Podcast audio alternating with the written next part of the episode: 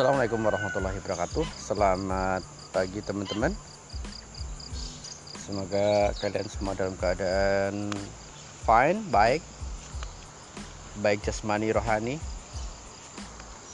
E, Kita tahu di saat ini ketika aku buat podcast nih Keadaannya kita harus stay at home.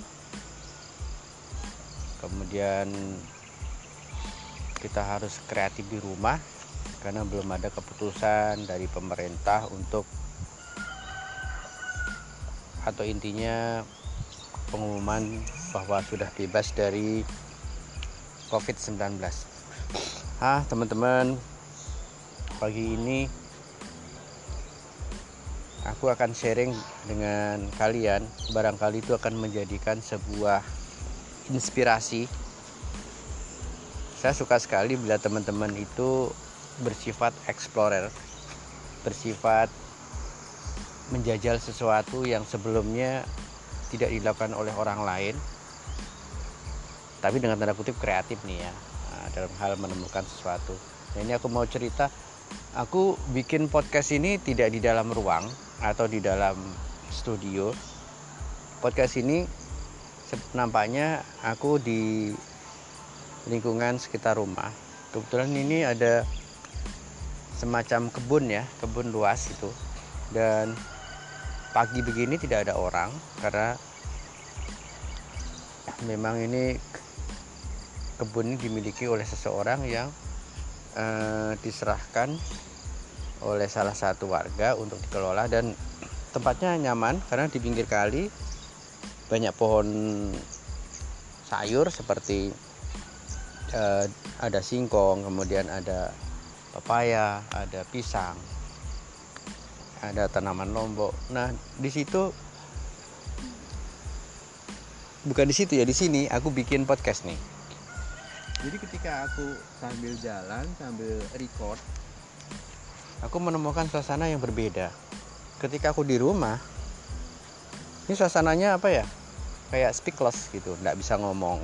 Dan kalaupun mau teriak agak kenceng dengan suara intonasi tinggi. Ini dipikir di rumah ngapain itu orang? Gitu. Jadi mending saya di luar. Artinya sepi itu belum ada aktivitas. Nanti aku ngambil rekaman pun sekitar 30 menit dan itu saya pikir uh, that's enough cukup ya. Nah teman-teman pagi ini aku mau menyampaikan sebuah kumpulan otak yang membuncah. Dalam arti kepenatan tetapi tidak direspon menjadi hal yang negatif. Jadi pagi ini aku mau cerita apa saja sih yang bisa dilakukan selama PSBB pembatasan sosial berskala besar. Saya melihat di lingkunganku eh, ya masih normal lah ya. Artinya dengan pembatasan berskala besar dan orang harus tinggal di rumah ini sudah lebih dari sebulan uh, kondisi psikologis lingkunganku masih normal. Artinya ad, tidak ada nampak hal sesuatu yang uh, sifatnya membahayakan bagi orang lain atau crime atau yang lain. Tapi secara pribadi teman-teman aku merasa bahwa itu sebuah kebosanan yang luar biasa mungkin teman-teman uh, bisa merasakan hal yang sama. Contohnya begini ketika aku lagi bikin asik-asiknya sebuah video yang aku edit menggunakan gawe menggunakan HP tiba-tiba HP-nya trouble dan kayak lockdown juga tidak bisa dipakai. Dan itu harus diselesaikan diperbaiki di uh, merek center dan saat ini kan sedang tutup karena memang kondisinya tidak memungkinkan untuk operasional. Kebetulan hanya satu HP semacam tablet itu yang kupunya dan itu aku maksimalkan. Itu salah satunya. Dan akan ter walaupun nih kondisi kondisi tablet yang aku pakai ini udah nggak max ya karena ada sesuatu yang panas banget dan itu pernah aku bawa ke service centernya di, di sana ter, diganti baterainya tapi nyatanya masih uh, something wrong dan ya tidak bisa balik saat ini karena memang keadaan seperti ini ya. Nah ini teman-teman yang aku mau sampaikan uh, hal yang sifatnya positive side thinking. Hal-hal yang bisa kita lakukan. Hal yang bisa lakukan selama stay at home pekerjaan dikontrol dari rumah. Dan kita kasihan juga ya. Nah, saya sendiri saya sendiri jujur aja kalau ini diperpanjang sampai dua bulan atau satu bulan setengah um, bakal terjadi something wrong di survive hidup. Tapi aku juga tidak akan terlalu jauh berpikir tentang nervous worriednya. Tapi aku berpikir tentang solusinya saja. Aku berpikir bahwa Allah itu maha kaya. Kalau kita memintanya pasti akan diberikan sesuatu lebih. Asal berpikirnya itu tidak berburuk sangka. I'm sure. Nah teman-teman pertama hal yang bisa dilakukan di rumah yaitu membaca buku dan hafalan. Saya suka teman-teman melakukan sesuatu hal di rumah apa pun dengan happy, melakukan apa pun dengan uh, senang, entah itu di luar membaca buku atau hafalan. Tetapi ketika aku renungi, teman-teman tahu nggak kalau ya semua sih, semua orang di Indonesia tentunya punya keyakinan masing-masing. Dan aku Muslim dan jujur ketika hari biasa untuk mengkaji hal yang sifatnya rohania itu aku kurang. Jadi hafalan, surat-surat, baca buku yang berhubungan dengan rohania itu kurang. Dan kebiasaan kita, mungkin kebiasaan saya, teman-teman nggak begitu kali ya. Dan kebiasaan saya itu adalah saya suka bawa buku, saya suka bawa buku literasi, buku apa aja. Tadi yang yang sifatnya uh, self improvement ya, pengembangan diri. Tapi jarang selesai karena ketika hari biasa dan belum terjadi COVID-19 nih aku melakukannya itu di sela-sela dan itu kebanyakan tidak serius, tidak selesai. Nah ini aku bisa menyelesaikan beberapa buku yang aku baca. Pasti positif dong menambah wawasan di mindset kita ini lebih bagus. Benar. Mindset aku lebih tertata. Mungkin gaya bicaranya juga akan menambah sebuah science. Dalam arti uh, vocabulariesnya akan nambah juga. Gaya bicaranya akan tertata teratur. Dan itu sangat penting teman-teman ternyata. Di buku yang aku baca uh, bahwa pilihan kata diction mengatakan sesuatu kepada orang lain itu berbentuk pesan dan kesan. Pesan itu penting tapi lebih penting kalau kita yakin pesan itu tersampaikan. Nah arus informasi itu butuh banget. Sorry banget nih ngelantur ya. Tapi aku balik lagi. Ya teman-teman adalah baca buku dan hafalan. Nah tentunya saya suka teman-teman melakukan hal yang sama seperti yang kulakukan tapi saya harap teman-teman bisa menemukan hal yang teman-teman passion tentang hafalan atau buku yang teman-teman baca. Itu saja. Kalau itu menjadi uh, passion itu aku yakin bahwa teman-teman sudah menemukan hal yang sifatnya menjadi habit yang bagus. Lalu yang kedua adalah belajar menemukan resep makanan yang baru. Nah belajar menemukan resep makanan yang baru. Timbulnya pemikiran seperti itu berawal dari ketika di rumah sedang masak dan ada sesuatu yang terbatas masalah bumbunya atau apa. Lalu berpikirlah ini kalau nggak pakai bumbu ini pakai ini kira-kira enak nggak ya? Nah ujung-ujungnya bereksperimen kan? Apalagi teman-teman tidak hanya cewek nih khususnya cowok yang menyukai acara chef kayak chef Jonan. Itu tidak apa-apa. Bahkan perpaduannya agak ekstrim. Toh juga dirasakan sendiri. Kalau rasanya bikin muntah juga pakai sendiri aja dulu. Tapi kalau enak kan bisa di share ke teman yang lain nah belajar menemukan resep baru itu anggap aja ini belum ditemukan oleh uh, orang lain. Jadi hal-hal yang sifatnya adventure menantang juga challenge itu teman-teman juga perlu lakukan. Walaupun di rumah. Lalu yang ketiga membuat konten kreator. Nah sebenarnya aku kemarin udah bikin tapi masalahnya HP-nya ngelockdown kalau aku pakai HP tablet nih ini RAM-nya kurang. Mungkin sebagai menambah uh, informasi teman-teman yang sudah punya HP bagus HP bagus itu semua merek ya. Intinya yang punya RAM lebih dari dua bahkan kalian yang sudah punya RAM-nya itu 6 ke atas sampai 8 eh, saya suka seusia kalian ada yang main game Mobile Legend dan lain-lain lah. Dan HP itu memang keren untuk main game dan nggak ngelek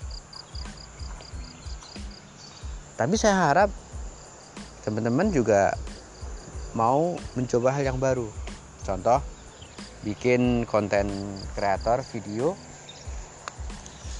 Ya mungkin bukan hobi kali tapi nggak sengaja kalau itu menjadi sebuah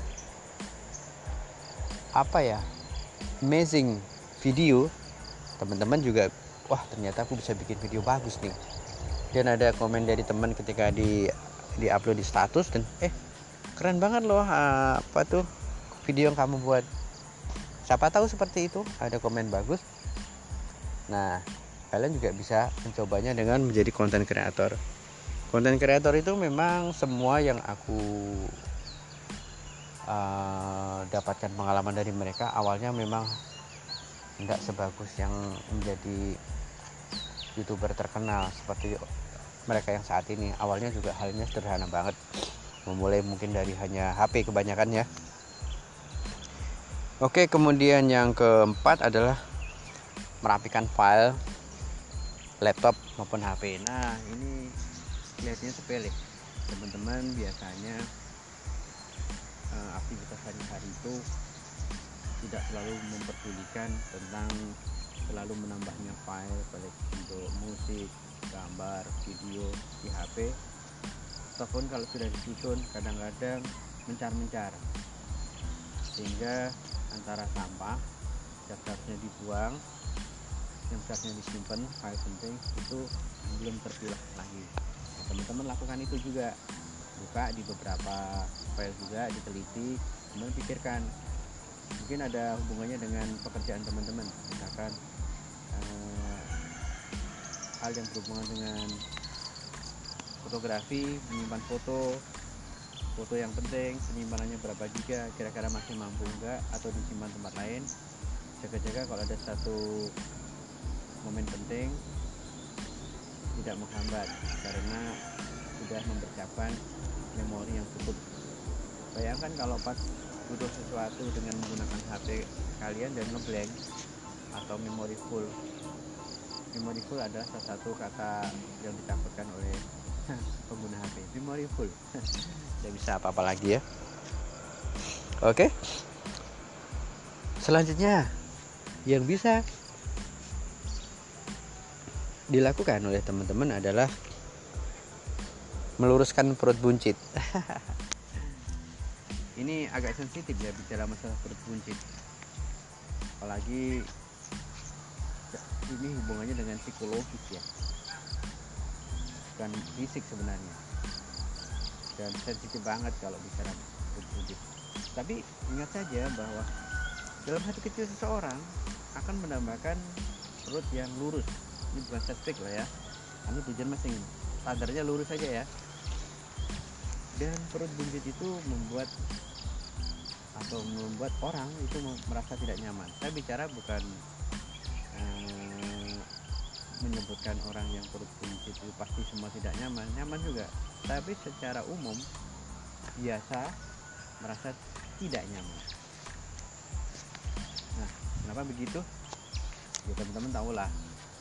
Habit apa pun bahkan kalau di bulan puasa seperti ini bisa saja menjadi ritual untuk tidak makan siang tapi malamnya menimbun lemak. Bagaimana? Karena proporsi yang salah.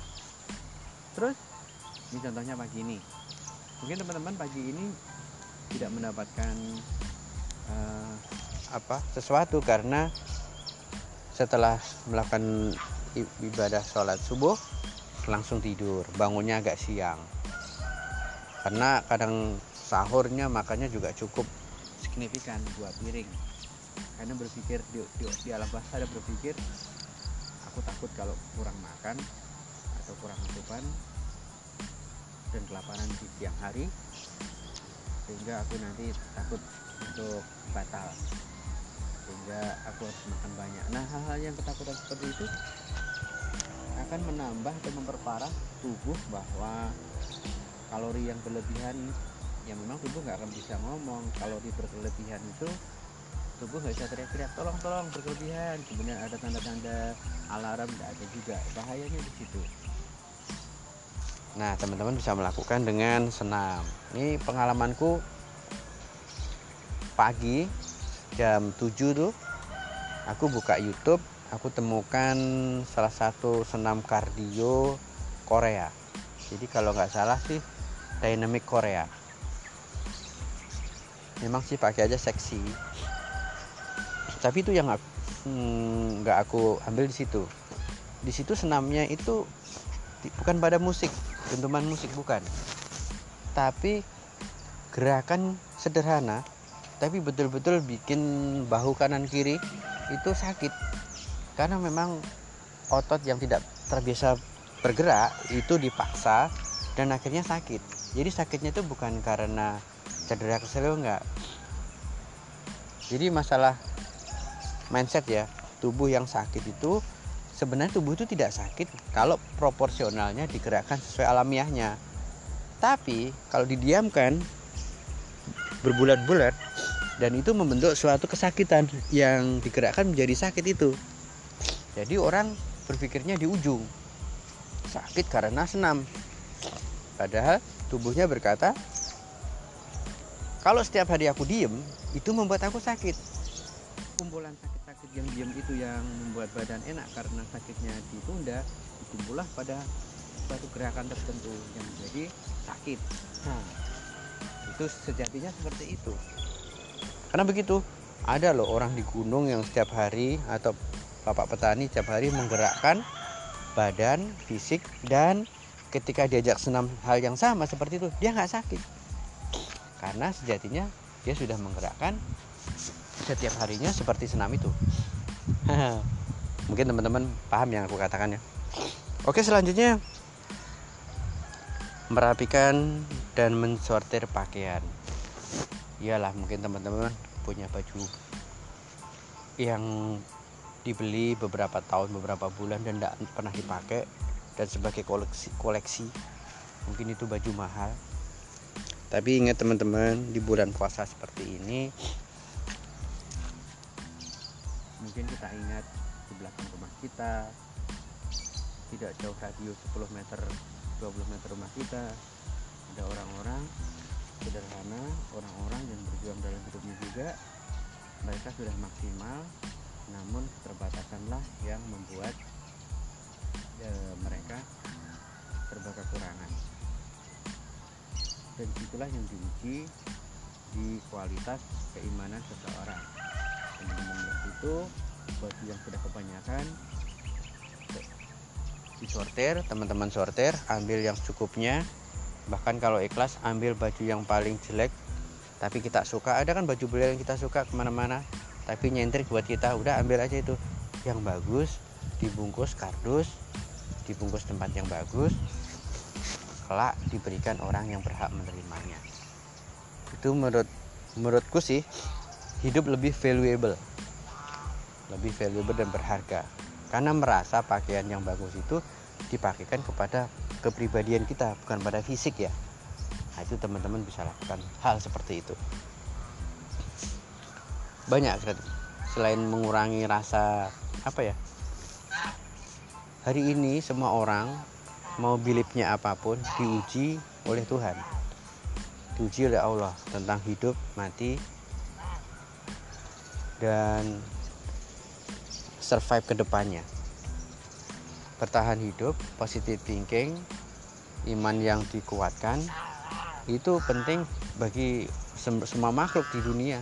Nah apa begitu? Ini covid bukan penyakit Indonesia penyakit seluruh jagat raya di sini maksudnya di di di alam dunia. Negara-negara yang lain juga melakukan dan merasakan. Terus teman-teman yang bisa dilakukan adalah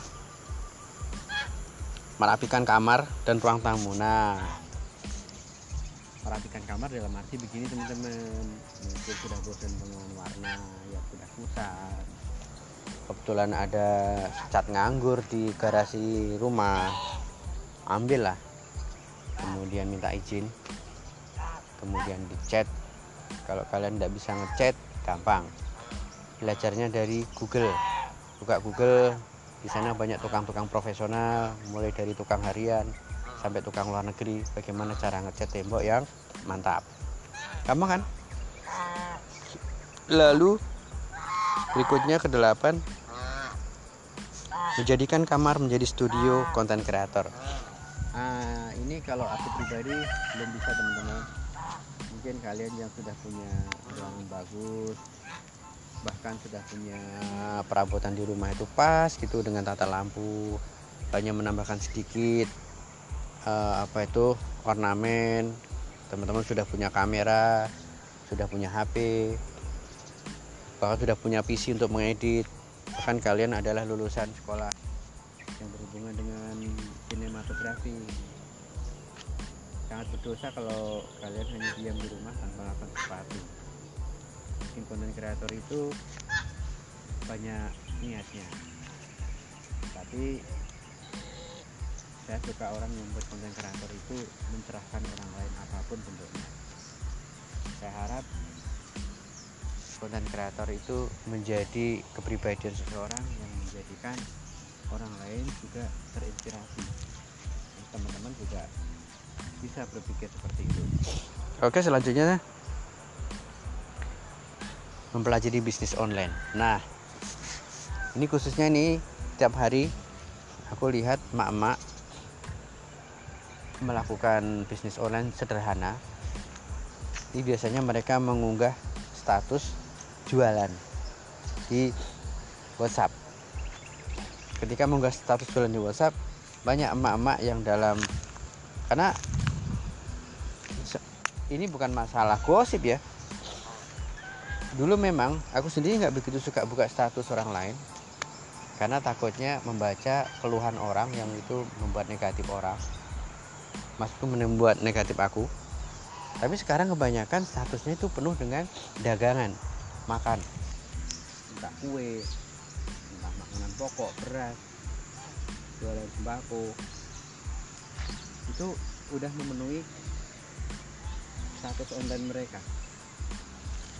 Bagus sih selain untuk menambah apa dapur supaya ngebul itu bagus. Dan itu respon positif karena tidak gibah tidak ngomong itu terus bagi yang berpikir jualan online lebih hebat dan teman-teman punya modal tentang ilmu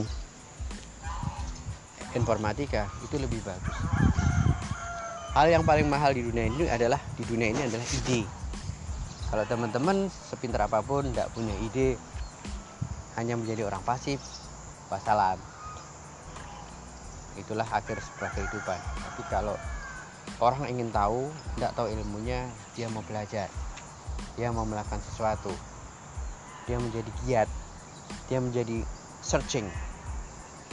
Dan apa sih nggak yang nggak ada di Google? Mau tanya apa sih? Aku pikir di Google apa saja ada. Yang tidak ada adalah malah kitanya yaitu ide. Ide mati matilah kehidupan. Nah kemudian kebetulan yang nomor 10 adalah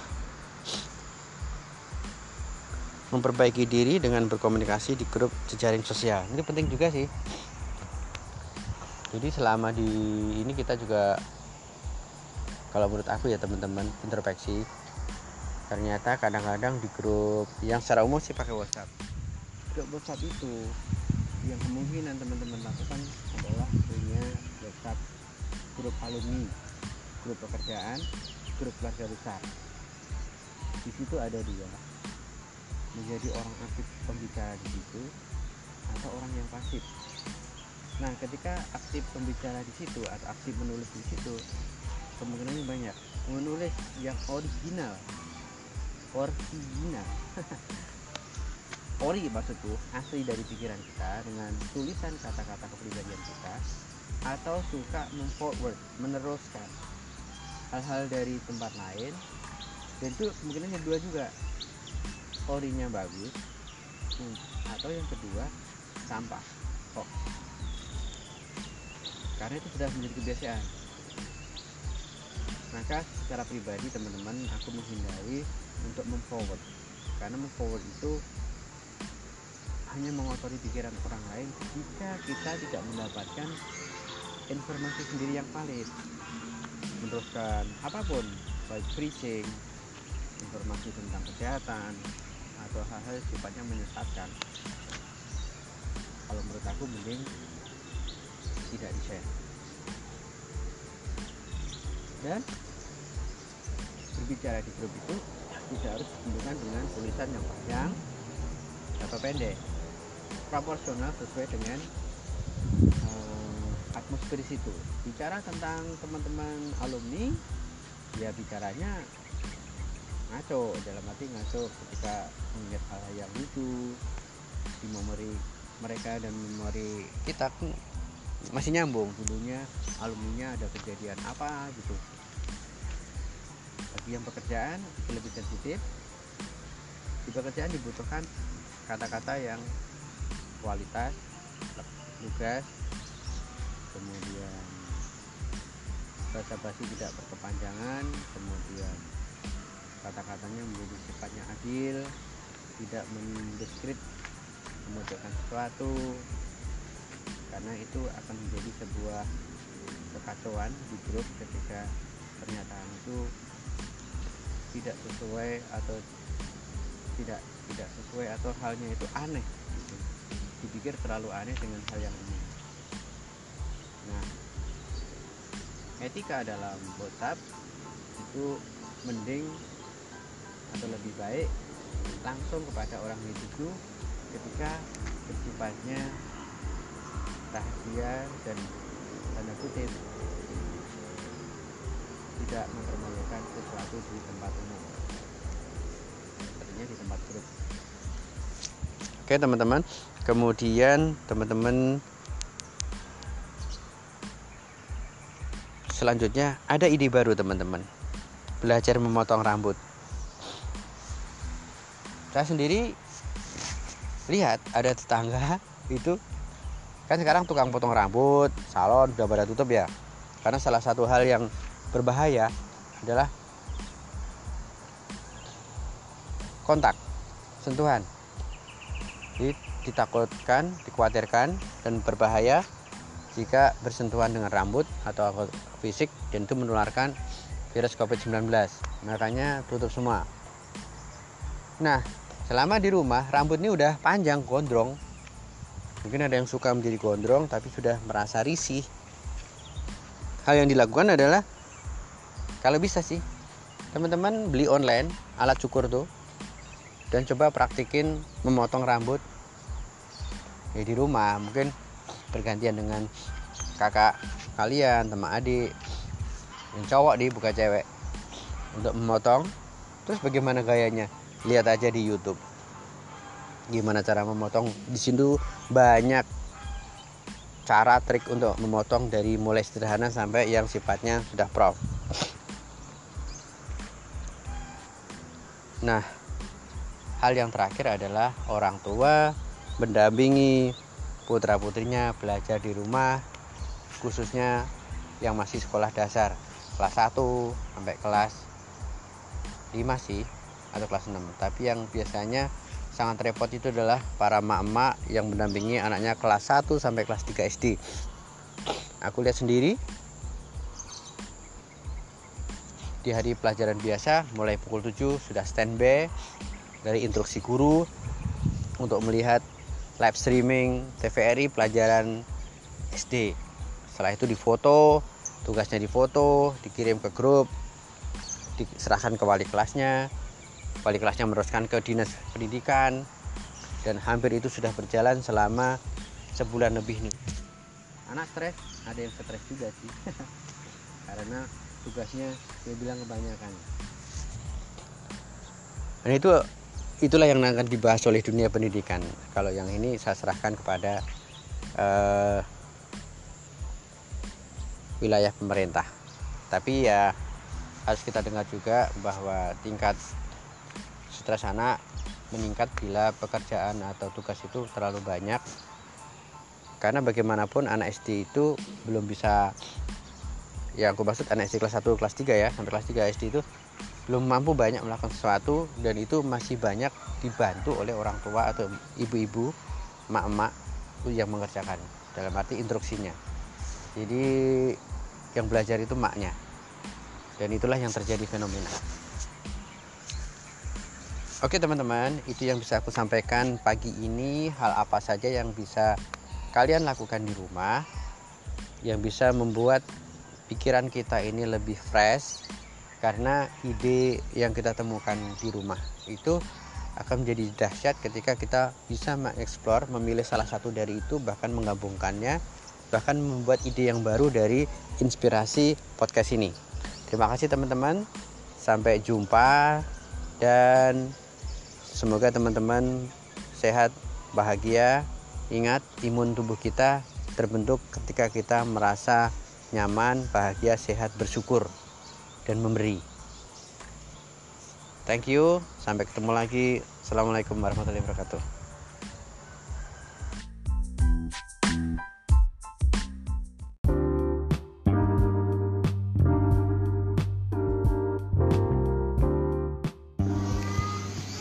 Assalamualaikum warahmatullahi wabarakatuh. Selamat pagi anak-anak. Apa kabar kalian? Semoga dalam keadaan baik Semoga dalam keadaan sehat Senantiasa selalu berbahagia bersama keluarga di rumah. Pagi ini Pak Budi mengucapkan Inan aljin wal faizin Mohon maaf lahir dan batin. Semoga Kita diberikan limpahan rahmat. Dan tak lupa Pak Budi mohon maaf kepada kalian semua bila ada salah tutur kata, tindakan, atau apa pun yang kurang berkenan di hati kalian sudilah kiranya memaafkan. Dan mulai detik ini kita kosong-kosong ya. Kita mulai hari baru kita uh, hadapi keadaan ini dengan penuh uh, optimis. Dan segera usai COVID-19 kita kembali belajar seperti biasa. Dan kalian bisa bertemu dengan teman-teman kalian semuanya. Dan akhir kata selamat hari lebaran. Assalamualaikum warahmatullahi wabarakatuh.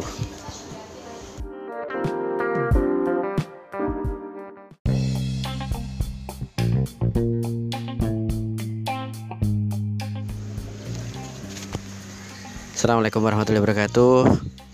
Teman-teman sedulur konco KB alumni SMA 1 baik IPA IPS atau biologi mohon maaf sebelumnya uh, ini tidak ada yang menyuruh atau dari mana pun. Saya cuma ingin menyampaikan dari hati kecil saya bahwa selama kita berada di grup saya merasa hanya saya dan beberapa orang teman yang uh, sering guyon di situ dan guyonnya kadang-kadang di luar pagar. Jadi saya merasa bagaimana begitu. Tapi yakinlah bahwa kami guyon semata tidak ada eh, maksud kepada siapa pun. Karena itu izinkan saya untuk eh, mohon maaf pada teman-teman semuanya baik yang sering komen maupun yang tidak komen yang semua di grup ini.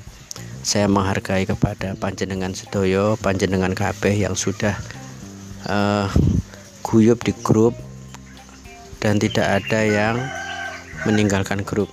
Semoga ini menjadi tali silaturahim yang baik dan semoga setelah selesai COVID-19 insya Allah kita bisa berkumpul untuk silaturahim saling mendoakan buat kita semua buat keluarga besar kita semua.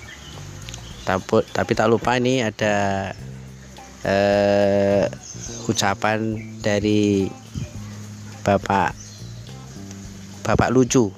Monggo